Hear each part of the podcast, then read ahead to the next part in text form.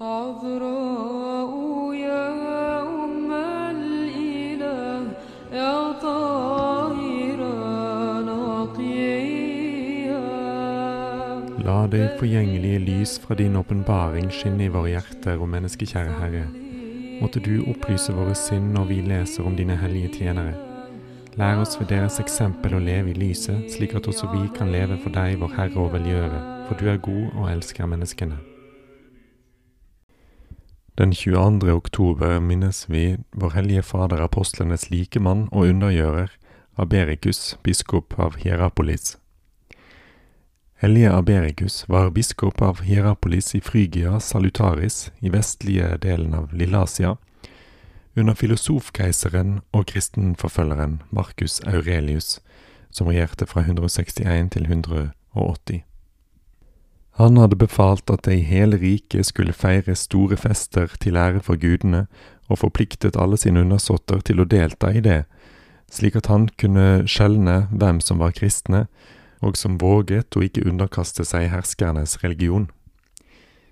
Mens innbyggerne i Herapolis slik brakte deres offer og hengav seg til de utsvevelsene som var vanlige ved disse festene for demonene, hadde Aberikus trukket seg tilbake i sitt hus og ba med tårer Herren om at han ville ynkes over dette uvitende folket. Da fikk han et syn og mottok av en engel befaling om å gå hen og ødelegge Apollons og de hedenske gudenes altre. Han ble gjort sterk ved denne guddommelige befaling, og reiste seg straks og gikk ut om natten og veltet alle disse sjelløse statuene. Da innbyggerne den følgende dagen oppdaget dette synet, som til fulle beviste tomheten av deres gudsdyrkelse, ville de styrte hen til biskopen for å drepe han. I stedet for å flykte begav den hellige seg ut på torget for offentlig å belære de om den hellige tro. Denne dristighet fikk mengdens raseri til å bare fordoble seg. Men deres tilløp ble snart stoppet, for de så at tre demonbesatte ble utfridd, og det var det den hellige Aberikus som utøvde ved hjelp av den stokken som han hadde brukt til å velte avgudene med. Da meng dempet mengden seg ned og hørte først med frykt og forbauselse på denne mannen med så mektige krefter, og så skjedde det at mengden omvendte seg og begynte å tro av hele sin sjel på Kristus Gud. Det førte til at 500 av dem mottok dåpen den samme dagen. Siden var det ikke bare beboerne i byen som løp hen til den hellige for å ta imot hans belæring eller få helbredelse for deres onder, men også de fra hele regionen omkring og naboregionene. De undrene som Aberikus utøvde, var så tallrike og så slående at hans rykte nådde like til keiseren i Roma. Marcus Aurelius lot da den hellige oppsøke, for hans datter, som var klar for å gifte seg, var plaget av en uren ånd. Underveis på hele reisen utbredte Aberikus ved sine under og ved sitt gudinspirerte ordsmakt en mengde velgjerninger omkring seg. Da han kom til Roma, ble han straks ført til keiserpalasset, der keiserinne Faustina engstelig ventet på ham. Hun førte ham inn til sin datter, som da hun så den hellige, straks ble rystet av voldsomme trekninger. Demonen ba ved hennes stemme Jesu Kristi tjener om å ikke pine henne ytterligere, men tillate den å vende tilbake til det stedet som den var kommet fra, og det var det samme stedet som den hellige Aberikus kom fra, Frygia. Aberikus tillot den det, men han befalte den å transportere et massivt steinalter som fantes i byen og tjente til den hedenske gudsdyrkelsen der, og ta det med seg. Til forbløffelse for alle innbyggerne som fantes samlet i nærheten der, så de demonen da fare ut av den unge piken, og bar så den store steinen i retning av Asia. Dette var et tegn på de kristnes makt over demonene.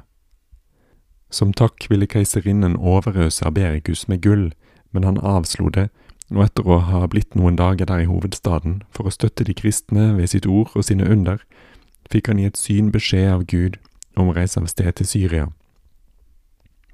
Han begav seg da først til Antiokia og etterpå til Apamea og kjempet der seierrikt mot Markions vranglære.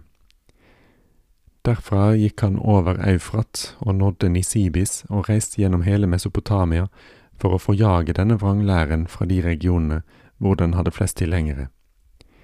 Ingen annen biskop på hans tid gjennomvandret så store avstander, slik etter apostlenes forbilde å forkynne frelsens glade budskap.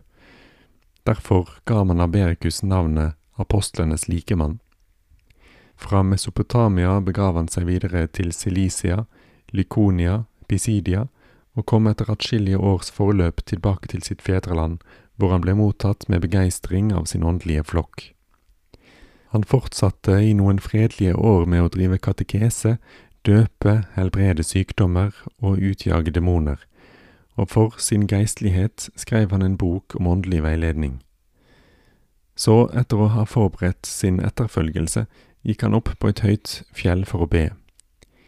Der fikk han en varmtvannskilde til å springe fram og mottok åpenbaring om sin forestående død. Da gikk han atter ned i byen og lot sin grav gjøre klar, og etterpå lot han en innskrift inngravere som inntil våre dager er bevart i et museum i Roma. Som borger i en fremragende by har jeg i live latt denne graven berede for å ha et hvilested for mitt legeme. Mitt navn er Aberikus. Jeg er disippel av en hyrde som vokter sin jord på fjell og sletter, som har store øyne og som ser alt. Han er det som har undervist meg i livets troverdige skrifter, som sendte meg til Roma for å se herskerbyen og å se dronningen i gyllen drakt.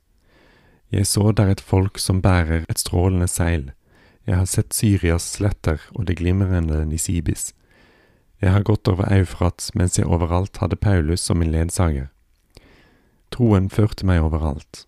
Overalt bød den meg en fisk fra en såre ren kilde, en meget stor en som en ren jomfru har fisket. Denne gir hun uopphørlig til sine venner å spise.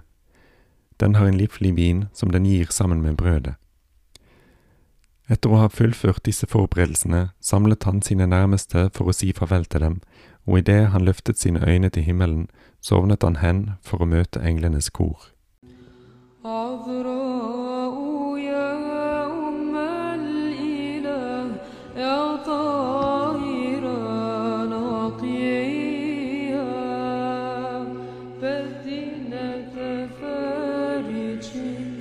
Only.